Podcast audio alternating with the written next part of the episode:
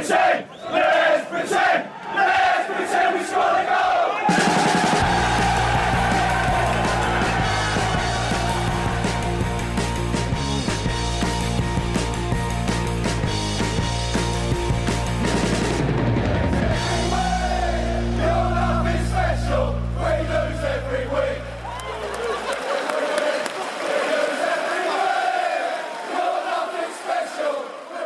Sportbladets Premier League-podd hälsar då välkomna till ännu ett avsnitt. Eh, här är det extra eh, märkligt idag därför att eh, även jag befinner mig på hemmaplan eh, den här måndagen. Men eh, the show must go on så att säga. Eh, det är sportlov och vabb och allt möjligt för min del. Eh, Frida, du pysslar inte med sånt borta i London gissar jag?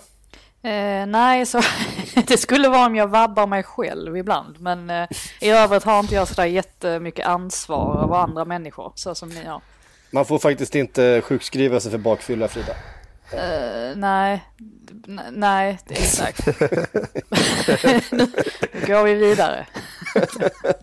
Hur mår du Kalle? Ja, jag mår bra. Däremot hade jag en son som eh, eh, ville gå upp väldigt tidigt i morse och eh, inte ville sova när han borde ha sovit. Så att den, min förmiddag där hade jag tänkt att jag skulle ägna mig åt att kolla igen lite inför eh, podden här. Den blev inte så som jag hade tänkt mig. Jag fick gå ut på en promenad med barnvagnen här för att få honom att sova istället. Eh, men så är det. Eh, så är det. Eh, det har spelats massa fotboll borta i England i alla fall i helgen. Frida, du har varit där och besökt en del av det. Vi andra har fått eh, ta del av den eh, så gott vi har kunnat då via tv. Det var ju många som var upprörda i söndags där på att eh, det inte visades någon klockan tre match i Sverige. Um, och det har ju förstås med Viasats avtal med eh, ligan, de har ju samma feed som BT Sports och Sky Sports har och då visas det inga klockan tre matcher. Eh, däremot så tv-produceras ju de, de här matcherna såklart och visas i andra länder så eh, kanske inte i hela förklaringen men, men ehm, eller ja, det är hela förklaringen här, men det kanske inte, eh, det kanske inte är omöjligt att få in dem eh, på något sätt i, i tablån. Så låg det till i alla fall. Jag tänkte att vi skulle börja på lördagen eh, i alla fall. Eh, Chelsea Spurs, eh, Stamford Bridge, eh, Lampard mot Mourinho och så vidare. Frida, du var där. Eh, det var ganska, ganska eh, bra stämning vad jag förstod.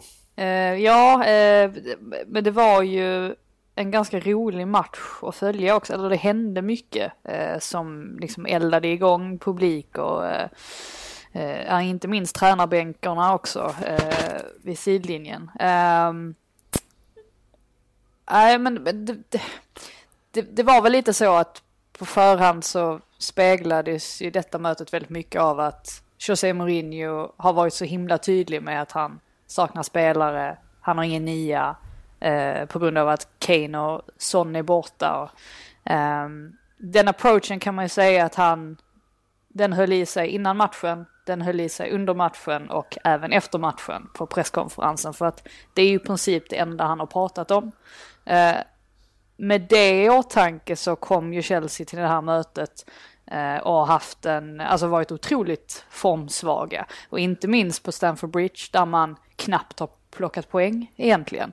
Eh, och Lampard sa efter matchen, eh, lyfte en väldigt intressant grej att de hade liksom satt sig ner, alla spelare och han då, och försökt att komma fram till varför det var så. Eh, för att han, han sa liksom att eh, jag har inte haft svaret på varför vi har spelat så dåligt på hemmaplan. Eh, men eh, vad som än sades eh, där så kan man ju säga att de, de förändrade någonting i alla fall eh, under lördagen och framförallt så var det nog inställningsmässigt för att till skillnad från matchen i december så Eh, valde ju, alltså Lampard körde på med sin trebackslinje precis som han gjorde då. Eh, men skillnaden var ju att eh, Mourinho valde att göra samma sak, vilket han väl förmodligen borde ha gjort i, i december också för att klara av Chelseas press lite bättre. Eh, men Chelsea-spelarna visade en glöd egentligen som man inte har sett riktigt hos dem på Stamford Bridge sådär jättemånga gånger under säsongen. Jag tyckte väl att det var det som var den stora skillnaden egentligen mellan dem. Eh, Kovacic var återigen väldigt, väldigt bra. Eh, såg några eh, siffror där på, liksom, jag vet inte hur många eh, tacklingar han vann och, och passningar som satt eh, till rätt adress. Och för mig råder det ingen tvekan om att han har varit Chelseas bästa spelare eh, den här säsongen och eh, man kommer förmodligen säga samma sak i slutet av säsongen också. Det är inte mycket som tyder på annat. Eh, en annan grej med den här matchen var ju också att Giroud fick starta äntligen ehm, efter alla om och men.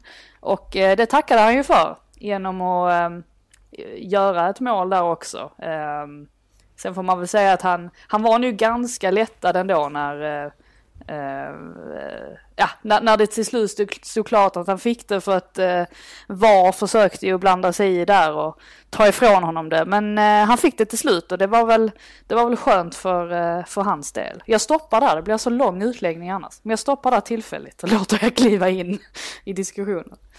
Jag, jag, måste bara säga att jag tycker det är ett underskattat avslut faktiskt med vänstern utav Giroud i första stolpen där. Det pratas, det pratas mycket om eh, runt omkring och det att eh, Giroud är tillbaks men eh, och så vidare. Han får bollen lite avigt, har inte speciellt mycket tid eller mycket yta eh, att, att lägga den på men det är, är ju faktiskt en, en stenhård vänstervrist han borrar ner där i, in till stolproten. Det var ju flera avslut på rad där som var ganska bra. Alltså dels eh, eh, tvingade han väl målvakten till en benparad i första läget och sen var det väl ganska okej okay avslut Den alltså, som satt i kryssribban där eller nära på kryssribban. Och sen eh, följde han upp det med att och, och borra ner den i, i första hörnet där. Jag håller med dig, det var bra skottteknik i den, i den eh, eh aktionen av Giroud. Eh, jag tycker att eh, Giroud borde funka bra i teorin i eh, Chelseas sätt att spela när man spelar 3-4-3 sådär. När man har många spelare som är nära forwarden med de här indragna tiorna och man kan kombinera mycket runt omkring hans felvända spel. Problemet med honom är väl att alla tränare som har haft honom i Premier League har väl fått konstatera att det är någonting som gör att det räcker inte riktigt hela vägen fram trots att han har sina förtjänster. Eh, men eh, med den här insatsen så borde han rimligen få mer speltid här i, i framöver. Och kanske också, även om Abraham är tillbaka, vara en sån där plan B från bänken som han inte har varit så mycket den här säsongen för Chelsea. Med det sagt så ska man ju också, eh, alltså Chelsea, just i första halvlek så har ju de ett, ett övertag givetvis, men med det sagt så, så var det ju faktiskt så att Tottenham hade kunnat utjämna också. Alltså vem är det? Davinson Sanchez tror jag det är som har en nick som eh, Willy Caballero gör en bra räddning på och sådär. Så att eh, de var ju liksom inte så under isen ändå. Eh, och får ju till och med, ja vi kommer till andra halvlek, men får ju till och med in ett reduceringsmål där på slutet också. Lyckas ändå skaka Chelsea lite grann. Men jag ska bara återknyta till det jag pratade om att det här med José Mourinhos skador liksom präglar hela matchen jag, jag vet inte, men alltså jag själv hade blivit ganska påverkad om min tränare hade kommit in inför matchen i omklädningsrummen och sagt att ja, eh, vi borde inte kunna vinna den här matchen för att vi saknar eh, två av våra främsta anfallare. Alltså jag menar redan, eh, det, är, det är en sak att ha skador eh, och det är en sak att påpeka det för att det är väl självklart att Harry Kane och Hong Min Son är två eh, jättestora tapp för Tottenham.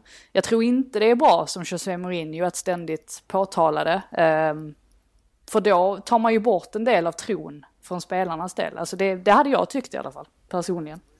Alltså inte minst så har de ju ett nyförvärv som ska vara där uppe, Bergvin, som de har köpt in och som har varit riktigt bra sedan han kom in. Så att, eh, vet, han uttryckte det som att eh, vi kommer dit men vi har inga ja, vi, har, vi har inga patroner i, i geväret eller vad han sa.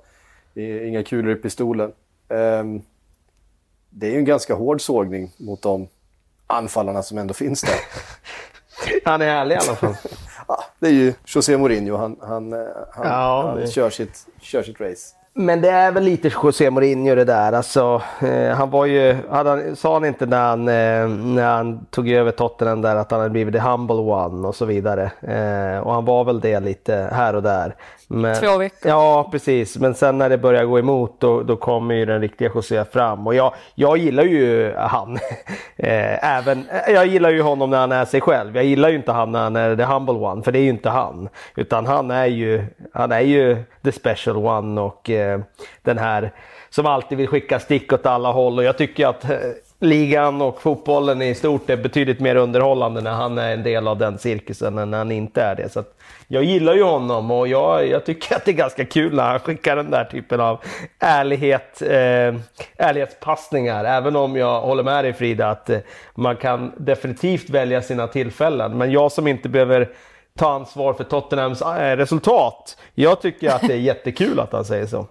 Ja, det är ju definitivt eh, en, skillnad där. Eh, men som sagt, jag, jag vet inte om jag som spelare hade velat höra att man, man i princip redan har förlorat innan man har klivit ut på planen för att man saknar två av sina spelare. Dessutom då, alltså Harry Kane som de ofta får klara sig utan, för han har ju, det är inte första gången han är skadad direkt.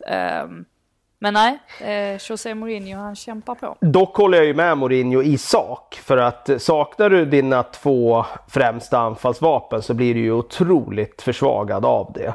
Eh, hela laget tappar ju tron på att liksom kunna hota motståndare om eh, de bästa offensiva vapnen inte är med. Eh, det är ju mycket bättre att sakna två mittbackar än att sakna eh, Harry Kane och Son i Tottenhams fall.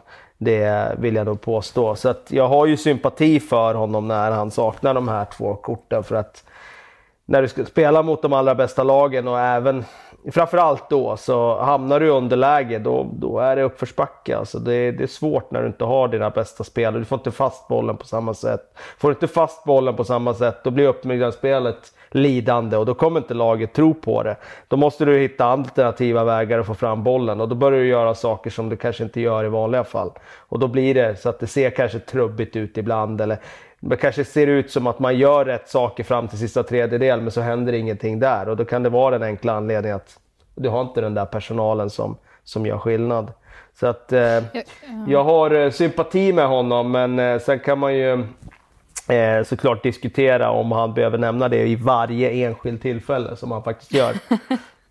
Ja, jag kan meddela dessutom att eh, den här gången på presskonferensen så undvek han att nämna Antonio Contes namn. Eh, något han gjorde fyra gånger på presskonferensen i december. Eh, alltså som en, som en, som en, tydlig, en tydlig passning då till Frank Lampard, ja, Det var fruktansvärt kul då men, faktiskt. Ja, men det sista han säger innan han lämnar podiet, det är, eh, han, han hyllar Marcus Alonso och sen så säger han att det är märkligt att varje gång det går trögt för Chelsea, ja, då, då, då ringer man in eh, Alonso helt plötsligt. Liksom, så ska han förväntas komma in och, och, och rädda upp det. Men så är det. Och sen så gick han bara.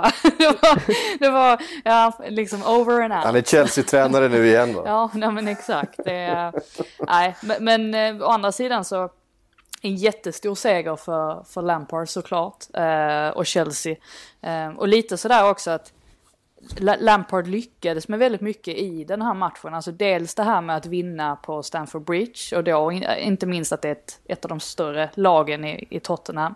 Um, men också att uh, han spelar liksom Giroud som gör mål. Uh, Mason Mount gör en jättebra match. Alltså det var mycket, mycket att ta av. Andreas Christensen som har fått en del uh, kritik så den senaste tiden. Han såg jättefin ut där i, i mitten av uh, trebackslinjen. Så att Um, nej. Ross, ba Ross Barkley var involverad i väldigt var, mycket var, var också bra. Det, var, eh, det fanns mycket, mycket positivt för honom att, att hämta och det, det, tror jag han behövde också för att det har ju inte börjat gnällas på något sätt så. Alltså hade vi klart att han har suttit säkert och han har liksom överpresterat totalt sett men eh, man måste ju vinna matcher också och nu var det ju verkligen, verkligen dags om de nu ska hänga med där uppe på fjärde platskampen eh, eller tredje platskampen rent ut sagt kanske om Leicester fortsätter att förlora matcher. Mm. Och eventuellt skulle Spurs också då haft en eh, Losell så utvisad vid ett tillfälle. Nu tittade VAR på det och kom fram till att det inte var ett rött kort. Jag vet inte eh, riktigt hur de... Eh, Alltså vad, vad, vad som i sådana fall ska vara ett rött kort? Nej, alltså det, det, jag tycker känns märkligast i den här eh, situationen, alltså totalt sett, ehm, det är att ehm, Alltså när man sitter, jag tror, jag tror jag satt typ så här 15 meter ifrån situationen eftersom att pressläktaren är precis där det, det hände. Ehm, så man satt ju i princip lika nära som Frank Lampard och ja, båda tränarbänkarna. Eh, och jag tror nog att alla var överens om att man trodde omedelbart att det var rött kort. Eh, sådär, och, och, och, sen händer ingenting och, och, sen så kommer VAR in, eller VAR, nu säger jag VAR igen, VAR eller VAR. Eh, kommer de in eh, och, och, tycker liksom att det inte heller är ett rött kort och sen satte hela karusellen igång och eh, uh, domarkommittén, eh, eh, eller vad man nu ska översätta det som, går ut och säger att det var, var fel beslut. Och den stackaren som satt i VAR-rummet var ju, han har 25 matcher på kontot, alltså som han har dömt i Premier League. Eh, domaren på eh, Stamford Bridge, visst var det Michael Oliver? Nu ja, det var det. det var det. Ja. Eh, han har liksom dömt alltså, otaliga matcher nu senast Champions League för inte speciellt många dagar sedan. Um, jag, jag, tyckte att det var orättvist att, att den här killen i, i varummet helt plötsligt fick all skit. Att man liksom, att domarkommittén, de bara skälpte över det på honom, allt ansvar. Eh, när man kanske egentligen borde ifrågasätta själva systemet då. Eh, men med det sagt så det, det är väl klart att det ska vara ett rött kort. Men jag är inte säker på att Michael Oliver, jag, jag tyckte det såg ut som att han inte ens tog upp ett gult kort. Jag är inte säker på att någonting hade hänt. Nej, han fick inget, eh, fick inget gult överhuvudtaget, utan han fick ju gult sen. Eh, Lo Celso vid ett senare tillfälle. Ja, det, det är ju också märkligt, men ja, hur, hur kan För VR, VAR kan inte dela ut gula kort, det kan bara dela ut röda kort. Jag tänker att fjärdedomaren måste ha sett situationen jättebra. Och de har väl någon kom kommunikation, tycker man. Ja, jag vet inte. Eh, det har de väl förmodligen. Men det som jag tycker är märkligt är att i det läget inte be Michael Oliver gå ut och eh, titta på det själv. Ja, absolut. Eh, för det, den, den, eh, nu har de ju fått instruktioner om att eh, de faktiskt ska göra det. Eh, ni ska gå ut och, och, och, och titta på skärmen när det är sånt läge eftersom de, de var så otroligt restriktiva i sina första eh, instruktioner till domarna kring det. Sen så ändrade de det. Då såg vi ju direkt att det fick en effekt. Det var väl Chris Kavanaugh som var ute och vid något tillfälle och tittade på någon handsituation och sådär och skaffade sin egen bedömning. Det, det, är precis i den här typen av lägen som jag tycker att det är relevant. Inte så här millimeter offside. Det, det kan väl ett varum eh, avgöra lika mycket som en huvuddomare. Men, men när det är sådana här uppenbara bedömningssituationer och framförallt vid röda kort det är ju precis tillfället då, då huvuddomaren ska gå ut och titta på det. Ja, eh, ja eh, hur som helst en eh, otroligt tung och viktig seger för Chelsea då i den här Champions League-jakten. För de är rätt många lag som slåss om det, inte minst då Spurs som är närmast efter. Manchester United tog ett eh, rejält kliv in i den handlingen också då med eh, 3-0 mot Watford i helgen. Eh, Bruno Fernandes har verkligen kommit in och, och, det som vi egentligen misstänkte, det som vi befarade lite grann med den värvningen, i alla fall som, som jag uttryckte det, att vi kan inte förvänta oss att han ska gå in och vända hela det här liksom på två veckor. Men det är förväntningen som finns från Manchester United. Men det är ju faktiskt nästan vad han har gjort. Det är liksom som att det har blivit en annan stämning på Old Trafford när han kommit in. Eh, och att han tar precis den där rollen på något sätt eh, som Paul Pogba i flera säsonger har förväntats göra. Alltså, han är den som, som har lite högre kvalitet. Han kan hota på lite fler sätt. Han, han, han bara höjer kvaliteten på spelet. Han, han ser till, alltså det, det är som att det finns en, en, bara en spelare med, med eh, högre klass på planen som, som är involverade mycket, som de på något sätt kan luta sig mot. Eh, kommer bidra så framförallt som de andra klassspelarna då i typ Martial eh, och så vidare kan luta sig mot. Eh, är det en känsla som ni delar med mig? Ja, det är det. Jag håller helt med. Eh, nu ska vi komma ihåg att eh, alternativet, det vill säga de spelarna de har spelat med tidigare under säsongen i den positionen. Så jag kommer ihåg att det är en nummer 10 position. Det är en position som är extremt viktig eh, om man ska få ihop ett anfallsspel. Att den positionen är en spelare som, som kan göra det där lilla extra. Eh, gör man inte det, nej, men då ska man nog fundera på om man överhuvudtaget ska ha en nummer 10-spelare. Kanske man ska spela på ett annat sätt och ta bort den rollen. United har spelat med Jesse Lingard som under kalenderåret 2019 gjorde exakt noll mål och noll assist. Och eh, ibland har man spelat med eh, Eh, Andreas Pereira har ju spelat där. I Pereira, ja. i den rollen som jag tycker den här säsongen har varit. Ibland har han faktiskt ett det är ett hårt omdöme, men han har varit undermålig ibland. Framförallt under hösten. Och det är klart att det blir jätteskillnad om man då går från de spelarna till att få in en spelare. Precis så som du säger. Han har lite mer kvalitet i alla moment som man behöver ha lite mer kvalitet som tia. Han värderar lite bättre. Han kan rent tekniskt eh, sätta fram passningarna med exakt, de är välavvägda, de är slagna med rätt timing. Eh, han hittar de ytorna som gör att han hotar motståndarna istället för att stå och vänta på bollen i döda ytor. Eh, eller bara springa runt som en huvudlös kyckling som Lingard har gjort i vissa fall. Jag tycker att det är eh, eh ytterligare ett bevis på just det där med att en spelare kan göra extremt stor skillnad med Bruno Fernandes tycker jag att United plötsligt har ett spel som gör att de kan hota dels de där lagen där de har svårt, de sämre lagen. De skapar fler chanser. Ja, precis. De skapar fler chanser med honom på planen. Och sen kan man även hota de bättre lagen, bara att man har en fot som är lite sådär... Ja, men jag tror att alla lag känner att den foten kan hota dem. Oavsett om det är en avgörande passning eller om det är en frispark eller om det är skott från distans i spelet så har han den där matchvinnarkvaliteten som United inte har haft eh, den här säsongen när Pogba har varit borta så mycket. Så att eh, jag tycker verkligen att det är en värvning som du säger som har förändrat tonläget på, på uh, fansen. Det har förändrat lagets tro också på det man gör. Alltså laget känner att de har eh, betydligt mer anfallskraft med honom på banan och då tror man mer på det och då blir de runt omkring bättre också.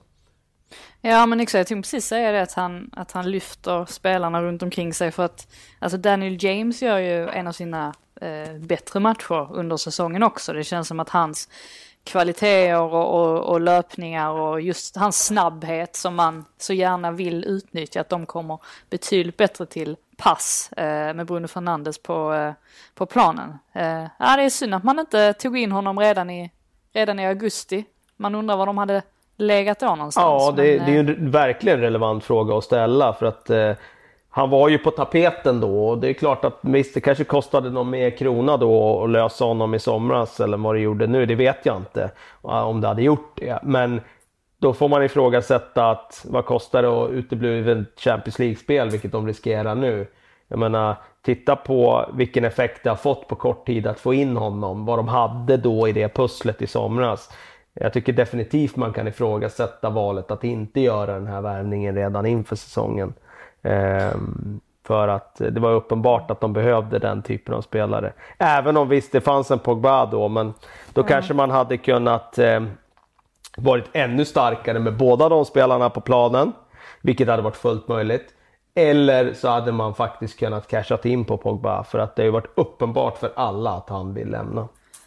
Ja, för de, de påminner ju om varandra ändå, alltså på sätt och vis, Fernandes och, och Pogba. Eh, jag, vet, alltså jag såg att Solskär jämförde honom med, vad var det, Veron och eh, Scholes. Blandning av eh, Veron och Scholes, ja. Ja, men precis. Verons humör och Scholes kvalitet. Och jag, då tycker jag nog mer att han, att han är lik liksom Pogba. Eh, så att ja, nej, vi får väl se. Plus att Veron är väl inte, det är väl en konstig sån här spelare att nämna i Manchesters United-sammanhang. Han är väl inte sådär, han är väl inte så älskad där direkt. Han Nej, ganska... det var väl mer det där att, att han hade odiskutabel kvalitet Veron. De säger ju att han var helt överlägsen på träningarna och det kunde man ju se när väl liksom, han fick tid att slå en crossboll. Då satt den ju på millimetern. Eh, sen lyckades han ju inte riktigt i Premier League. Jag tror det var för högt tempo för honom. Eh, han var inte van riktigt vid det tempot som var. Var Solskär och eh, Veron samtidigt i United? Ja, det var det. va? Ja, början av 2000-talet. där. Ja, det är därför han drar till med den, eh, den, Ja. den liknelsen. Men det, var, men det var ju bara humör, humöret var det ju faktiskt. Så att, det var Ja. ju inte kvaliteterna. Nej, precis. Ehm, Och just det, Mason Greenwoods mål måste man kanske adressera också. Ja, och Martials mål kanske framförallt. Ja, nej, alltså, det är häftigt, häftigt med Mason Greenwood. Han är eh, tonåring och, och bara alltid träffar mål med sina avslut. Det är ju he- helt otroligt. Men alltså, det Martial gör, först sulfinten och sen bara... Eh, det är ju så enkelt för honom när han, när han liksom inte får för mycket tid att tänka och när han är i någon slags miljö som fungerar.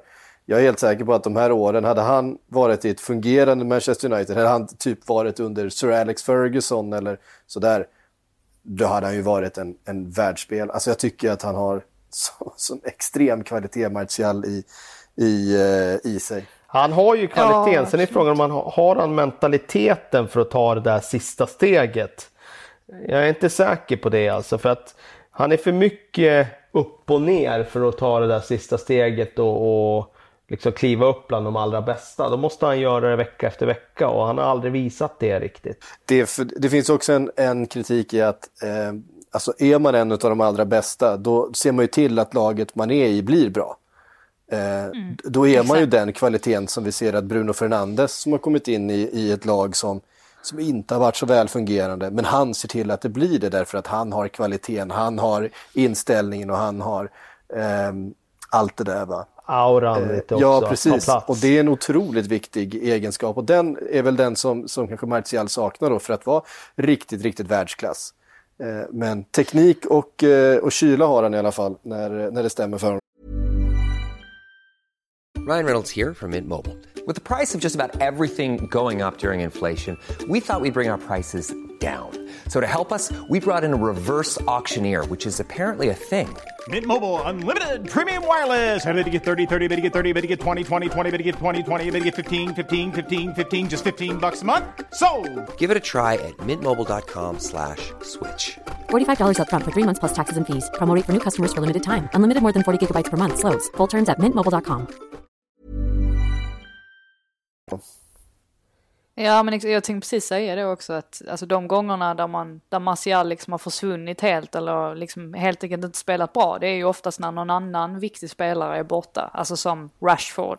Alltså de matcherna sen, sen han blev skadad så Alltså var ju inte Martial specie, speciellt bra, men nu när Fernandes börjar kliva fram istället och, och Daniel James spelar bra igen och sådär, då helt plötsligt så spelar han också bra. Det är ju ett, det är ett ganska tydligt mönster. Men jag, jag vill ta upp den där tråden som du eh, lanserade där Frida med Greenwood där. För alltså, han har gjort fem mål i Premier League.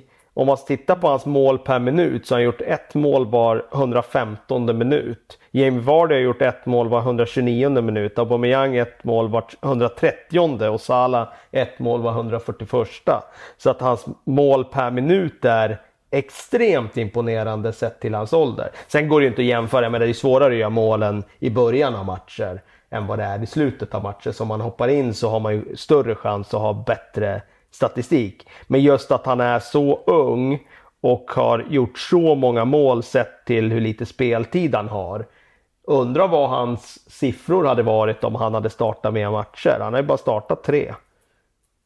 Ja, eh, jag uppskattar ju också målgester där man först drar in en sånt jätteskott och sen lägger man sig ner direkt för att man får kramp. Jag vet inte, jag, jag tycker det är lite, det, det är något, eh, ja men det visar liksom att då har man tagit ut sig 100 procent. Och det gör han ju. Han, han, han lägger ner ett oerhört arbete defensivt, eh, Greenwood, när han, när han spelar. Alltså, eh, jag tycker man märker det ganska mycket på alltså den, hela den här generationen eh, engelska spelare som vi ska generalisera lite grann, men de som är födda runt millennieskiftet, kanske något år innan och, ett par, och något år efter. Att det är allihop, det är väldigt ont om, om lyxlirare bland dem. Det är allihop spelare som lägger ner ett oerhört eh, arbete i båda riktningarna och som kan väldigt många olika saker.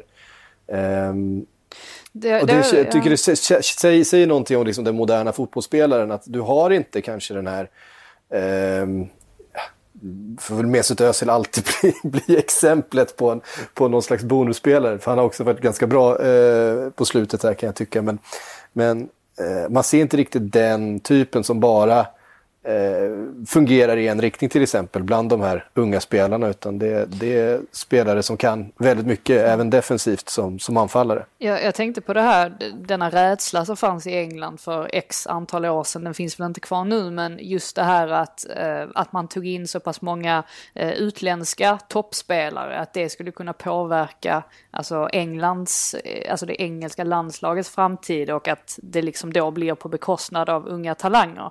Men tänka själva liksom och, och kunna, alltså som alla de här spelarna nu som vi räknar upp som är eh, alltså yngre talanger som eh, Mason Greenwood och ja, Bukayo Saka för den delen i Arsenal och vi har ett helt gäng i Chelsea. Just att kunna tillhöra en klubb från sån ung ålder och se de här toppspelarna och sen kanske slussas in och få chansen att träna med dem och studera med dem på så här nära håll. Alltså det måste ju det, det, måste ju vara alltså en helt fantastisk möjlighet för en spelare som liksom vill växa upp och bli en av dem, alltså en av de allra bästa. Så att eh, absolut, det är väl klart att det kanske har Ja men som en sån som Phil Foden i Manchester City får ju inte spela eftersom att det finns så många framför honom som är bättre. Men på det stora hela så tror jag att det här absolut har gynnat engelsk fotboll. Jag tycker det finns ganska gott om empirisk eh, bevisning för att det faktiskt har, har eh, gynnat ligan, har gynnat eh, akademin och har gynnat eh, de engelska spelarna i,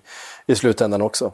Ehm, faktiskt. Eh, jag ska se ifall det var någonting mer jag ville lyfta med just Manchester United, eh, Watford. Nigel Pearson i glasögon. Vi var... Men det brukar han ju ha. Ja, brukar han det? Ja, det, det hade det han mot Brighton också. Ja, men då, det, det är ju någonting han har lagt sig till med nu. Det, det är ju den nya mjuka Nigel i, sådana fall. För att eh, det var ju ingen glasögon-aura på honom tidigare i karriären. Han var i Leicester till exempel. Inte fan hade han glasögon på sig någonsin då. Men här är ju den nya mjuka Nigel Pearson. Det är många som påstår att de har blivit de nya mjuka. Både han och Mourinho. Det är liksom... Det, det verkar vara inne just nu också de, två, två av de mest hårdnackade figurerna. De, de kanske inser att de behöver... Eh, de har kanske fått PR, PR-agenter som har sagt åt dem att äh, ni behöver en ny framtoning killar. Mm. Men eh, alltså med det sagt så Watford, alltså nu känns det ju som att luften lite grann har börjat gå ur dem på något sätt. Alltså det är klart att det är mycket begärt att åka till Old Trafford och, och vinna den matchen liksom om United väl spelar bra. Men matchen mot Brighton blev ju lite sådär, jaha, liksom. Man fick med sig en poäng när man väl borde ha vunnit egentligen för att vara liksom ja, för att kunna få ännu mer hopp av att, klara, klara sig kvar. Nu möter man Liverpool i helgen. Det är liksom inte så mycket längre som talar för att de kommer, att de kommer greja det. Eh, och det är ju synd med tanke på att det såg ganska ljust ut där från början. Ja, ehm, Ja, det var tungt. Och, de, och sen, och sen, och, och sen menar, alltså när de har ju otur också. De, de lyckas ju trycka in ett mål där, men, men eh, det blir ju då eh, avblåst efter, efter eh, VAR-kontroll igen då. Det, eh, korrekt. Det är ju en, det är ju en handboll. Eh, men det är liksom... De hade ju rätt mycket chanser också i början av matchen ska sägas. Alltså det var ju ganska skakigt i Uniteds försvar i början av matchen så att eh, de hade mycket väl kunnat ta ledningen i den här matchen. Ja, alltså på samma sätt som Bruno Fernandes eh, har kommit in och, och gjort eh, Uniteds anfall betydligt bättre så finns det fortfarande en hel del frågetecken i försvaret kan jag tycka. De, både Vigge och Maguire skänker bort en del bollar när de ska ja, det, i uppspelsfaserna. Det var nog tur för eh, Viktors del att det här mål, alltså att eh, Watfords mål dömdes bort. För att jag tror att han hade kunnat få rejält med skit över att han inte lyckas komma upp högre där. När han hoppar upp och liksom bollen viner ju precis över hans huvud eh, när det ser ut som att han ska nicka bort den. Det är typiskt en sån där grej tror jag som hade, det har liksom satt sig på näthinnan hos, eh, hos många eh, i det här landet. Jag tror att hans eh, halvtidsbetyg som jag alltid går in och kikar på på Manchester Evening News, bara för att det är så absurt att man ens har halvtidsbetyg, var shaky. Så att det, ja, det säger väl en del. Jag bara tänker på det här med Bagi och så, att han gjorde en så bra match mot, mot Chelsea. Um, han ligger ju på lur där bakom i, i hierarkin. Ja, uh, han får Uh kanske passa sig lite där, eh, Vigge, om det är så att eh, formen är på väg ut. För vi behöver ju ha en formstark Vigge i sommar. Arsenal-Everton tänkte jag vi skulle gå vidare till. Eh, Frida, du var där eh, på Emirates. Det var en svängig tillställning i det här Arteta Walcott Iwobi-derbyt. eh, 3-2 till Arsenal efter en hel del om och men. Eh, och ja, en eh, fantastisk fotbollsmatch. Ja, nej men verkligen. Ehm, det får man lugnt säga. Ehm, startelvan var väl eh, var inga jättestora överraskningar förutom då att Bukayo Saka fick lämna plats åt Kolasinac och eh, av, av det Arteta sa på presskonferensen efteråt så hade det väl främst egentligen att göra med att Saka har spelat väldigt många matcher på ganska kort tid och sen ville han väl ha en troligtvis en lite mer defensiv approach mot Everton som ju har varit så himla formstarka och har två, ett tvåmannaanfall som är, eh, ja det är ju ganska unikt i och för sig i Premier League att man har ett tvåmannaanfall. Men de är väldigt formstarka de också i alla fall, eh, Richarlison och Calvert Lewin.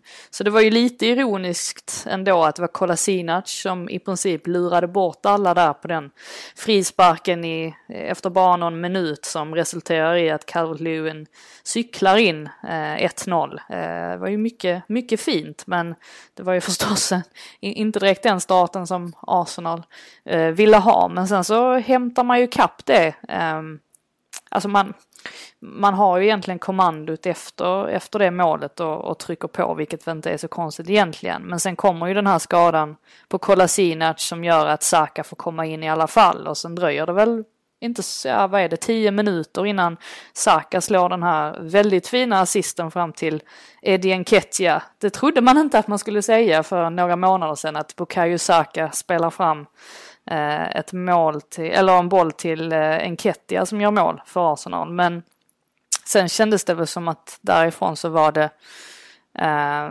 var, var ganska mycket Arsenal och sen så får ju de den drömstarten där. Eh, också i andra halvlek. Och Aubameyang som gör två mål i matchen. Ehm, och sen sista delen så är det ju väldigt mycket Everton, men då kliver ju Bernt Lehner fram som vanligt och gör några superräddningar. Så att det är ganska svettigt, men med det sagt så har ju faktiskt Arsenal inte förlorat än under 2020 och det, det säger ju en del. Ja, verkligen. Och ehm, vad är det för 18-åring egentligen, Bakayo Saka? Det är ju vilket, vilket otroligt genombrott han har haft den här vintern. Vi har pratat så mycket om Alltså det har funnits ganska många spelare ska sägas i, i Arsenal. Vi har pratat mycket Martinelli och, och så vidare. Men... Av förklarliga skäl, för han har ja, verkligen. Alltså, verkligen. De har, ju, de har ju någonting på gång här, Arsenal. Det, är ju, det känns som att det bara, eh, bara väller fram eh, talanger eh, just nu i det här. Och, eh, Arteta kanske är helt rätt gubbe att förvalta allt det här. Ja, men det har väl vi sagt redan från början, det, eller? Det, det, det, tror jag. Han, eh, han är ju inte rädd att, att, visa förtroende för de här och han är inte rädd för att och, ehm, eh, att bänka en mer meriterad spelare och, och, skicka in någon av de yngre. Så att jag tror att eh, de kommer fortsätta få, få chanser här. Jag har ju förhoppning fortfarande på Race Nelson att vi ska få se mer av honom och, och kanske lite större avtryck också har ju inte kanske kommit till sin rätt den här säsongen sett till hur bra han var i Bundesliga där. Så att det finns eh, flera spelare som är spännande här inför, inför nästa år och, och bygga vidare på.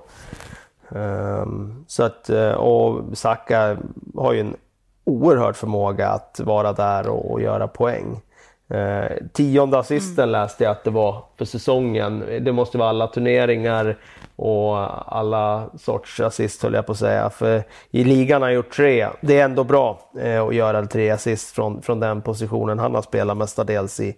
Eh, ja, för han har inte spelat. Det, det är ju nu på sistone som han har spelat så mycket som han har, som han har gjort. Eh, men också det här med att eh, det är väl klart att där i andra halvlek så har han några farliga bolltapp som alltså hade kunnat resultera i ja, ett Everton-mål eller, eller sådär. Men det är väl sånt man får räkna med också när han, han är fortfarande ung och det finns fler i Arsenal som har en tendens att, att göra lite misstag. Men, men allt som allt så, eh, så, så, tycker inte jag, alltså även om det kan låta helt liksom uppåt väggarna att ens nämna EM för Saka, så jag skrev det i min krönika efteråt att det är inte en helt otänkbar tanke eh, ändå om man tänker på att, alltså vilka alternativ som finns på, alltså till vänster då eh, i England så är det ju alltså Ben Chilwell som inte har varit sig själv riktigt eller han har inte kommit upp i nivå på ganska länge och i övrigt har det varit Danny Rose som har varit Gary Southgates första val. Eh, Luke Shaw finns ju också som ett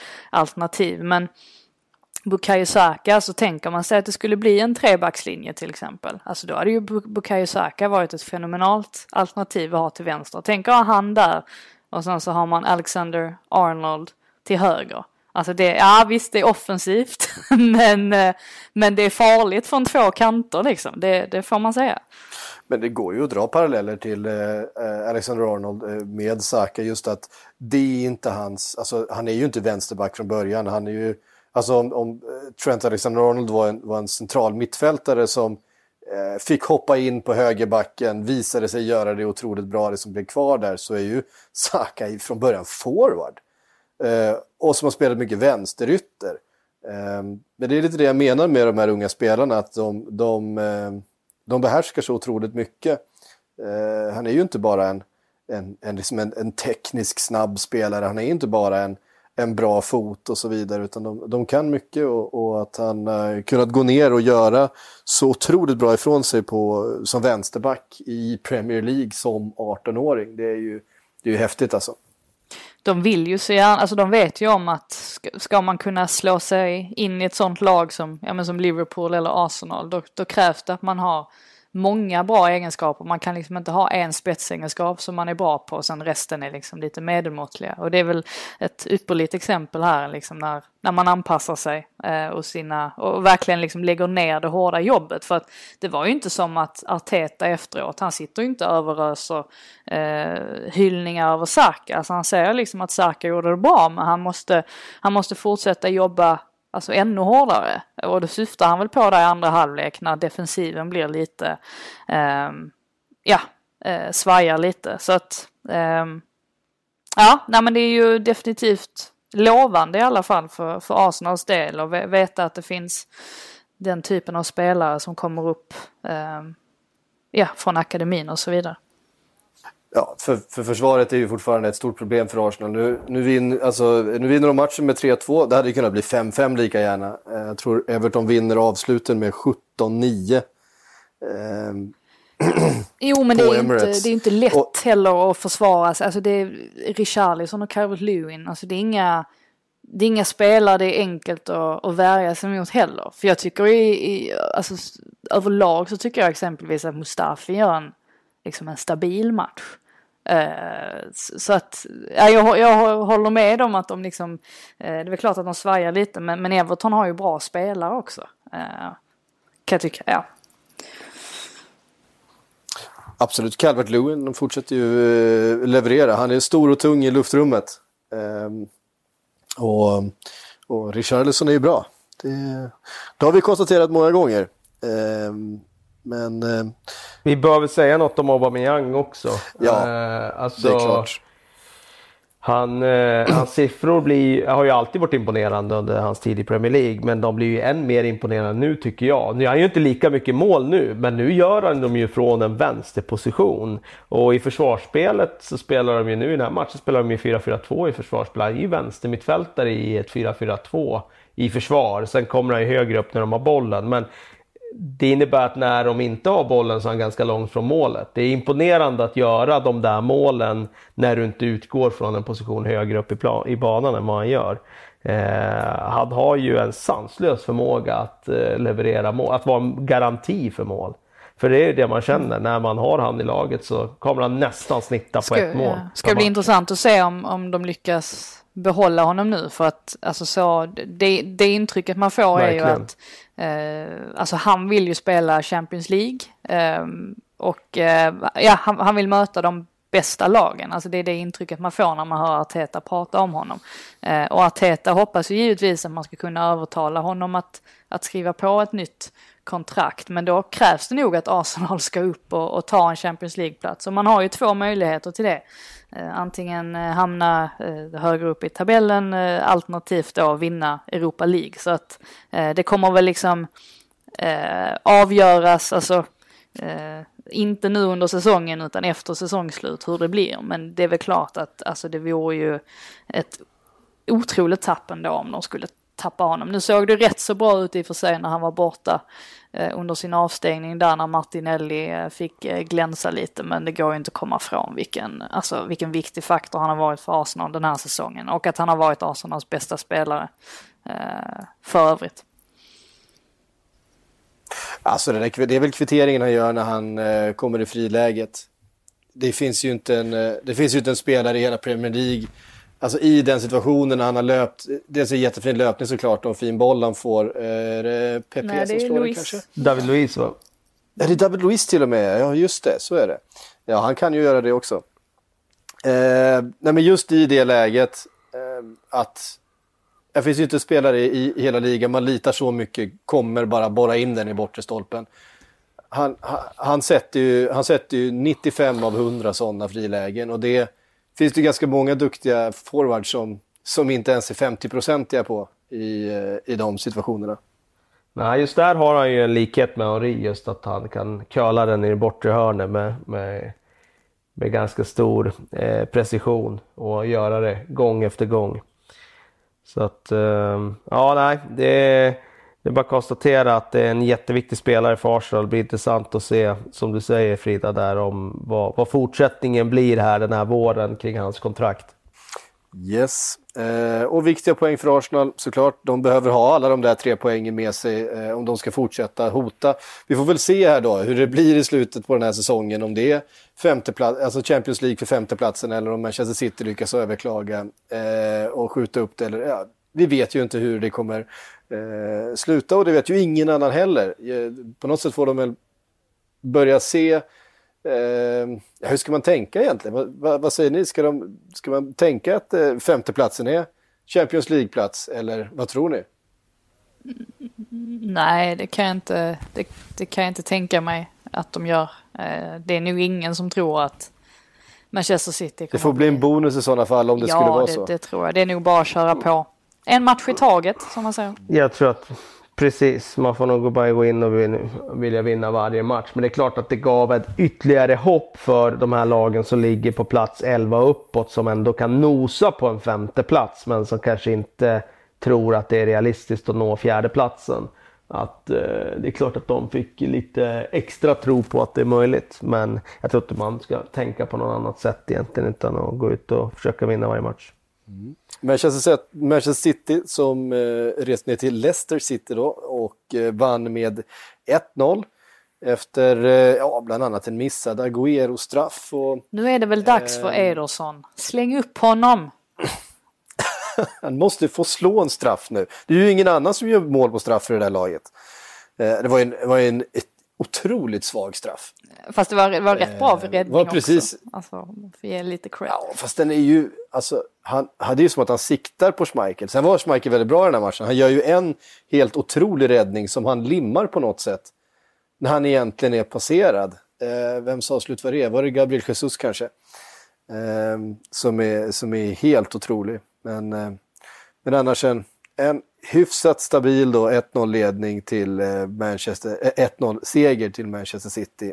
Eh, ja, fast jag tyckte väl ändå att de inte, de var väl inte sådär eh, eh, ja, alltså de, de över, nej, alltså det, det, det, tycker jag inte. Alltså Leicester hade ju, särskilt första delen av matchen så var det ju Leicester som liksom eh, tryckte på, vann bollar högt och eh, City såg ju liksom riktigt skakade ut där ett tag och Jamie Vardy borde väl till och med göra mål där när han, eh, det, Brendan Rodgers tror ju definitivt att han gör mål eh, när han drämmer bollen i, i stolpen. Ehm, så att de har ju verkligen oflyt och sen är det ju snack om den här eh, frisparkssituationen där när Kevin De Bruyne liksom får upp händerna och, och liksom täcker bort bollen eh, med händerna om det skulle ha varit straff. Alltså Mark Clattenburg till exempel tycker att det ska vara straff för att visserligen får man lov att skydda ansiktet med händerna i en, i en mur men han tycker liksom att Kevin De Bruyne har händerna för långt ifrån ansiktet för att det ska kunna räknas som det. Så att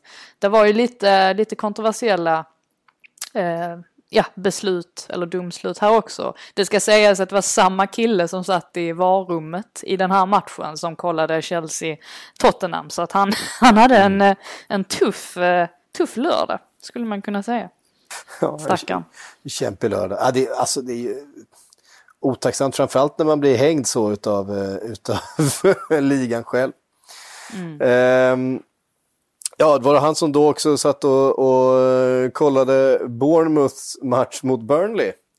Ja, det, det, jag tror inte det. Vi, vi behöver inte hänga ut honom eh, för mycket. för att, för att nej, man måste tycka synd om Bournemouth i den här matchen. Alltså, det, det är mycket som, det, det, är mycket som går emot Bournemouth just nu. Och att få två stycken bortdömda, visst, alltså, man kan tycka att det, alltså, det, är, ju, det är väl korrekt egentligen då va. Um, men den sista är ju hård. Eh, när det då tar på armen, eller på, på axeln. Ja, eh, Philip Billing är ju den, den, första då, där är axeln. Ja. Där är jag också, den tycker den är tveksam. Alltså. Jag tycker att man får väl spela med axeln eller? Vart, vart börjar armen? Ja, det trodde jag i alla fall och det står ingenstans i reglerna var gränsen går mellan vad som är axel och inte axel i fotboll. Och det gör ju att det blir en gråzon. Det blir ju en gråzon, men eh, axeln får man ju spela med. Ja, precis. Jag tycker att, jag, alltså när jag tittade på det så tyckte jag att det såg ut som axel. Eh, tyckte den var, jag minns det var någon liknande situation, jag tror det var Adam Lallana som, som också blev varkollad men som det fick med sig då, det är klart, Liverpool såklart äh, får med sig allting. Men, men eh, på ett liknande sätt då, äh, och det målet blev godkänt. här dömdes det bort då för Philip Billing och sen lite senare när Harry Wilson gör ett, ytterligare ett mål då för Bournemouth, då hittar de istället en straff till Burnley eh, i andra änden i, i, i början på den. Ah, det, är, det, är, ja. det är hårt alltså. Han var besviken efteråt Eddie Howe av förklarliga skäl. Jag ja. såg det. Han brukar ju sällan vara eh, alltså den typen av kommentarer från honom. Han tyckte att det var en fars hela, hela alltihopa. Och det är lätt att förstå honom. Ja, alltså det, det kändes, just, liksom, just att det är lilla Bournemouth i situationen de har varit, de har haft mer skador tror jag än, än någon annan klubb den här säsongen och, och, haft så otroligt mycket som har gått emot dem. Och så, eh, ja, så när de väl möter Burnley i den här jätteviktiga matchen eh, så får de två sådana här, eh, som jag ändå kan tycka är gränsfalls eh, domslut men som blir så extremt avgörande. Alltså framförallt det sista när det är, de tror att de har gjort mål och i själva verket så är det straff för Burnley. Eh, det, blir, det, det, blir extra hårt. Um, Eh, Eh, säger någonting om eh, Palace som tog sin första seger 2020. Eh, han var ganska nöjd. Om, om Eddie Howe var missnöjd efteråt så var eh, den gode Roy Hodgson eh, desto nöjdare efter eh, den matchen. Man, var, man spelade egentligen ut Newcastle under stora delar eh, här. Eh, Dubravka gjorde några riktiga sådana där Dubravka-räddningar som han gör emellanåt. Eh, otroliga räddningar faktiskt som höll Newcastle kvar i matchen. Ehm, men lyckades då inte. Eh, kanske får han faktiskt ta på sig ändå lite det målet för, för eh, Pallas när van Aanholt slår in en, eh, en frispark i målvaktens hörn. Han gör klassikern, han, han tjuvar lite bakom muren precis i tillfället som bollen slås. Och så går bollen in i målvaktens hörn istället. Eh, det, det, är jäkligt all... ofta man ser det där. Faktiskt. Det är jätteofta, men jag tycker alltid målvakten får ta det lite grann. Ja, absolut. Eh, faktiskt, men de, de är så jäkla rädda att bli, bli eh, dragna då på, på andra sidan av sig, alltså över muren. Det är så många som kan, kan knorra in den där att de, de vågar inte riktigt släppa det i hörnet. Eh, men 1-0 till Palla så eh, viktiga poäng där. Eh, Southampton slog Aston Villa. Alltså det är helt sjukt. Southampton ligger nu på, alltså på, på 12 plats, men de har bara sju poäng upp då till den här femteplatsen. Um, mm. Och jag menar, sju, sju poäng, det är, det är ett par segrar och sen lite sådär, så, så är man där och nosar. Det säger någonting om hur otroligt jämnt det är i ligan. Ja, det säger mest om det. Jag har svårt att se att de skulle passera Nej, alla det de tror där inte jag lagen. heller. Det är liksom, Men ja, det är några som ska passeras. Men eh, jag tror fortfarande de ska blicka neråt och säkerställa att de inte dras ju in där det är istället. lite spännande att se också om Aston Villa går och förlorar en sån match. Vad som kommer att ske då i, i ligacupfinalen som ju spelas på söndag mot Manchester City. Eh, ja, det, det, det kan, bli, kan bli intressanta siffror eh, i så fall. Om de gör en liknande insats. vi hade också Wolves eh, Ja, Norwich vi måste prata om 3-0. Wolves, alltså deras Eh. vecka har varit, eller deras vecka var hyfsat bra. Diego Jotas vecka har varit eh, helt ja, okej. men verkligen. Eller Diego Jota Ja, alltså i, i en tid då vi liksom eh, ser andra stor, engelska storklubbar åka ut och, och spela Europa League-matcher och liksom vinna med nöd och näppe eller spela lika mot Klubb Brygge. Ja, då går eh, Wolves eller åker de iväg och sen så vinner de med, med 4-0 mot, var det väl? Jo, 4-0 mot Espanyol. Eh, minst sagt imponerande så följer man upp det med en 3-0 seger i, i ligan också. Det, ehm, det går bra nu för dem, trots att de inte har kunnat rotera på det sättet som man trodde liksom att ja men någon gång kommer väl energin börja tryta men det ser ju inte ut så. Eh, med tanke på att de bara fortsätter att trampa på. Det är ju jäkligt imponerande får man säga. Alltså både av spelarna men inte minst eh, av Nuno också som ju måste vara den som motiverar dem vecka efter vecka att kunna prestera eh, på liknande sätt. Ja, och, och så sättet de, alltså målen de gör och sättet de, sätten de gör det på. Alltså Diogo Jota gjorde väl hattrick i torsdags va? Och så två mål igår. Sen hade väl Ruben Neves den där otroliga volleyskottet. Han är ju bra på dem.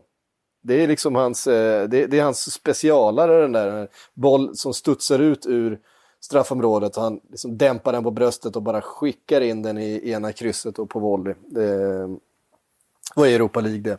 Och sen då Jiménez som också gjorde ett fint mål. Eller ja, det var inte så fint. Det var, det var ju faktiskt eh, Jotas mål det också. Han träffade stolpen som sen vallade sin via benskydden på, på eh, Jiménez i, i, i den här matchen då. Men så, sen kom ihåg att de har haft den här perioden. Då har ju Adama Traoré varit liksom småskadad och inte spelat speciellt mycket. Satt på bänken i den här matchen. Ehm, eh, Paolo Neto som också kommit in var väldigt bra tidigare. Eh, började också på bänken i den här matchen. Så att de har ju bredd dessutom eh, i det där anfallsspelet som, som fungerar så bra. Minst sagt imponerande. Eh, vet ni vad, vi ska ta och svara på lite frågor också. Ehm, vi har fått den här ifrån Kverulerar, eh, skriver eh, visar Watfords eh, bortdömda kvittering mot United hur trasig bollen får inte ta på handen före mål. Regeln är, vi var inne på det lite grann, eh, dels då vart den där gränsen går men också hur regeln är skriven nu då att, att all beröring vid handen om det är så att, eh, alltså i offensiv situation att det leder till mål eh, ska blåsas om eh, automatiskt. Vad säger ni om om den regeln, för det var ju den som dra- även drabbade Bournemouth också får man säga. Ja, jag kan nog köpa den regeln ändå. Alltså för att det som har varit är att det har varit så himla många situationer som blir svårbedömda. Eh, vad som är hans och så vidare. Det blir ju någon slags enhetlighet i. Om vi tar bort det här med att man inte vet riktigt var axeln börjar och slutar.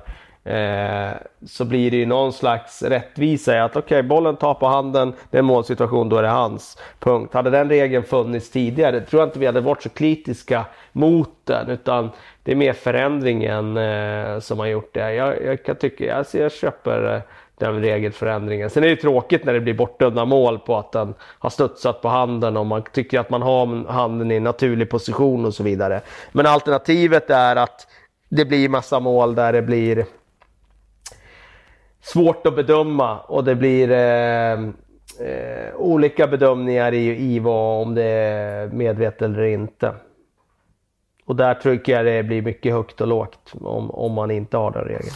Eh, ja, verkligen. Det, alltså, handsregeln, jag tror aldrig vi kommer, jag tror aldrig vi kommer ha en... Nej, det kommer aldrig komma till konsensus Nej, där. vi kommer aldrig ha en, en tillfredsställande handsregel hur vi än vrider och vänder på det. För att det kommer alltid vara avgränsningar och vi kommer aldrig vara riktigt överens om, om vilken situation. Och det, hur, man än, hur man än skriver regeln så kommer situationen se lite annorlunda ut än hur regeln har beskrivit den. Eh, och då blir det, blir det ändå en, en tolkning som ska läggas ovanpå. Och det, eh, ja, jag vet inte. Vi har hållit på, alltså så länge jag har följt fotboll, vilket är då liksom börjar närma sig 40 år snart, så har det pratats om handsregeln eh, på olika sätt och vad som är hans. Fan, det gjorde vi på, på skolgården, eh, på Breviksskolan i Västervik. Eh, var det, disk- Det som är problematiskt jag tycker med den här nya regeln det är ju att eh, det, det, det måste ju nästan eh, liksom kombineras med VAR. För att om man inte har det eh, att tillgå så är det ju jättemånga situationer om man tar fotboll på andra nivåer än där man har den här videoteknologin. Där, man, där då man aldrig kommer kunna se om en boll har träffat handen eller inte. För om jag tar Watfords mål i helgen, det var inte så att domaren såg att den träffade armen på, på Watford-spelaren. Jag har aldrig sett det. Inte en chans. Eh, och så kommer det ju bli då. Eh, det är lättare att se när det är en, en, en mer klar hand som man ska bedöma det. Så det tycker jag är nackdelen med den regeln. Då. Att det funkar om man har VAR och man kan sitta efteråt och se att jo, den snuddar visst ena, ena liksom, eh, fingret på någon eller armbågen på någon. Men om man inte har det att tillgå då, då kommer det ju vara ganska många mål på fotbollsnivåer som inte har videoteknologin som kommer vara felaktiga. Mm. Ja, det där är ju en, en kritik mot videoteknologin överhuvudtaget såklart. Att eh, om man börjar anpassa regelverk efter den och sen så är det så pass stor del, stor del av fotbollen som inte har tillgång till den. Eh, så blir den ju märklig. Eh, eh, vi ska se här, vi har fått en fråga utav Andreas Velander. En, en fiktiv fråga. Ni är fotbollsagenter och har en svensk diamant i ert stall. Ja, kanske typ en Andreas Isak då. Han är 20 år, Isaksson. anfallare och spelar... Eh, vad sa du? Nej, det lät som du sa Andreas Isaksson. Nej, Alexander Isaksson. Ja, jag skoj, det var, det var ett Ja, skämt. jag kanske, ja, jaha, ja, jag förstår. Eh, ja, han, är, han är 20 år och anfallare. Eh, spelar i Bundesliga, har gjort två säsonger, 20 mål per, per säsong, vill till Premier League. Alla lag vill ha honom, förutom Liverpool. Jag vet inte varför Liverpool inte skulle ha honom. Vilket eh, lag väljer ni och varför? Vart skulle ni placera? Ja, vi, om, vi, om vi för över det till ett, eh, till ett riktigt exempel. Då. Ta eh, Isak. Eh, om han skulle säga, äh, att jag är sugen på Premier League i sommar. Eh, vilken klubb, om ni hade varit hans agent, vilken klubb hade ni ringt först? Ja, den är ju svår alltså. Eh, det är den ju. Men om man tänker på, på Aubameyangs kontraktssituation där. Om man väger in den och man då kan börja lirka lite kring hur det ligger till med den om Arsenal inte tror att de ska behålla honom så hade ju Arsenal varit intressant med tanke på att där hade det väl funnits ganska stora möjligheter att komma in och kanske vara med i pusslet för att få spela en del i det anfallet. hade det inte varit bättre att liksom kunna, ja men låt säga att Tottenham hade värvat honom och så hade han liksom fått se och lära lite av Harry Kane och vänta på att han liksom ska bli skadad.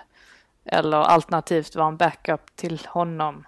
Det är kanske inte heller sådär jätteroligt vad det är. Nej, jag, usch, jag vet inte, det är svårt.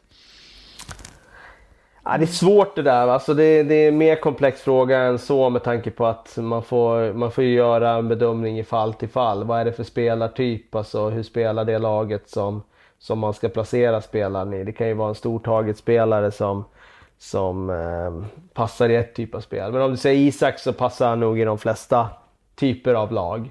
Eh, han är så mångfacetterad i sitt, i sitt spel så att han hade nog passat överallt. Jag, jag hade gärna kunnat se honom i Arsenal.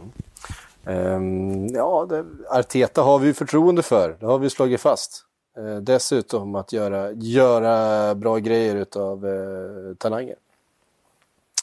Eh, hörde ni, vet du vad? Det är allt vi faktiskt kommer hinna den här måndagen. Eh, vi har en match kvar av den här, eh, den här eh, omgången. Den spelas ikväll. Det är eh, Liverpool mot West Ham. Eh, så den får vi väl eventuellt återkomma till nästa vecka. Eh, om det är så att vi tycker att det finns någonting ur den att ta med oss. Tack Frida, tack Kalle för att ni var med. Tack alla ni som har lyssnat även denna vecka. På återhörande.